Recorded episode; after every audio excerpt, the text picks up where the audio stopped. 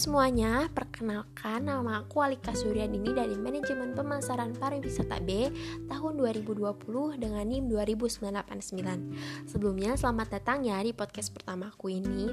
Di podcast pertamaku ini, aku akan membagikan sedikit ilmu mengenai integrasi nasional. Apakah kalian sudah pernah mendengar mengenai integrasi nasional? Apa itu integrasi nasional? Yuk simak baik-baik penjelasannya. Integrasi nasional berasal dari kata integrasi dan nasional. Integrasi berarti memberi tempat dalam suatu keseluruhan. Dalam Kamus Besar Bahasa Indonesia, integrasi adalah pembaharuan hingga menjadi kesatuan yang bulat dan utuh. Kata nasional sendiri berasal dari kata nation bahasa Inggris yang berarti bangsa sebagai persekutuan hidup manusia. Jadi, integrasi nasional merupakan proses mempersatukan bagian-bagian, unsur atau elemen yang terpisah dari masyarakat menjadi kesatuan yang lebih bulat, sehingga menjadi satu nation bangsa. Selanjutnya, apa saja sih jenis-jenis integrasi? Jenis-jenis integrasi mencakup pertama integrasi bangsa, integrasi wilayah, integrasi nilai, integrasi elit dan massa, integrasi tingkah laku, perilaku integratif. Dimensi integrasi mencakup integrasi vertikal dan horizontal, sedangkan aspek integrasi meliputi aspek politik, ekonomi, dan sosial budaya. Integrasi berkebalikan dengan disintegrasi. Jika integrasi menyeritkan ada keterpaduan, kesatuan, dan kesepakatan atau konsensus, disintegrasi sebaliknya yaitu menyeratkan adanya keterpecahan, pertentangan, dan konflik. Model integrasi yang berlangsung di Indonesia adalah model integrasi Impremium Majapahit, model integrasi kolonial, dan model integrasi nasional Indonesia. Pengembangan integrasi dapat dilakukan melalui lima strategi atau pendekatan. Yang pertama, adanya ancaman dari luar. Yang kedua, gaya politik kepemimpinan. Yang ketiga, kekuatan lembaga-lembaga politik. Yang keempat, ideologi nasional. Dan yang kelima, kesempatan pembangunan ekonomi. Integrasi nasional diperlukan guna membangkitkan kesadaran akan integrasi bersama, menguatkan identitas nasional, dan membangun persatuan bangsa. Segit cukup sekian dari podcast ini. Semoga bermanfaat dan see you next time. Terima kasih.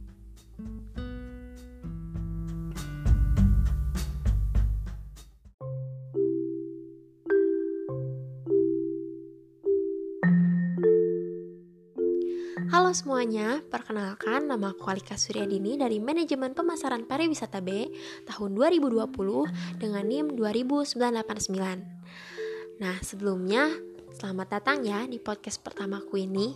Semoga kalian suka. Di podcast pertamaku ini, aku akan membahas mengenai integrasi nasional. Apakah kalian sudah pernah mendengar mengenai integrasi nasional? Apa itu integrasi nasional? Yuk simak baik-baik penjelasannya. Integrasi nasional berasal dari kata integrasi dan nasional. Integrasi berarti memberi tempat dalam suatu keseluruhan. Dalam KBBI, integrasi berarti pembaruan hingga menjadi kesatuan yang bulat dan utuh. Kata nasional sendiri berasal dari kata nation bahasa Inggris, yang berarti bangsa sebagai persekutuan hidup manusia. Jadi, integrasi nasional merupakan proses mempersatukan bagian-bagian unsur atau elemen yang terpisah dari masyarakat menjadi kesatuan yang lebih bulat, sehingga menjadi satu nation bangsa. Selanjutnya, apa saja sih jenis-jenis integrasi? Jenis-jenis integrasi mencakup pertama integrasi bangsa, kedua integrasi wilayah, yang ketiga integrasi nilai, yang keempat integrasi elit massa, dan yang kelima integrasi tingkah laku perilaku integratif. Dimensi integrasi mencakup dua, yaitu integrasi vertikal dan integrasi horizontal. Sedangkan aspek integrasi meliputi aspek politik, ekonomi, dan sosial budaya.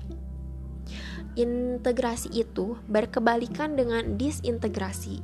Jika jika integrasi menyeratkan adanya keterpaduan, kesatuan, dan kesepakatan atau konsensus, disintegrasi kebalikannya, yaitu menyeratkan adanya keterpercahan, pertentangan, dan konflik. Model integrasi yang berlangsung di Indonesia adalah model integrasi impremium Majapahit, model integrasi kolonial, dan model integrasi nasional Indonesia. Pengembangan integrasi dapat dilakukan melalui lima strategi atau pendekatan, yakni pertama ada ancaman dari luar, yang kedua gaya politik kepemimpinan, yang ketiga kekuatan lembaga-lembaga politik, yang keempat ideologi nasional, dan yang kelima kesempatan pembangunan ekonomi. Jadi, integrasi bangsa sangat diperlukan guna membangkitkan kesadaran akan identitas bersama, menguatkan identitas nasional, dan membangun persatuan bangsa. Nah, segitu dulu aja ya materi integrasi dari aku. Semoga bermanfaat dan selamat. Hmm, sampai jumpa di podcast selanjutnya. Terima kasih.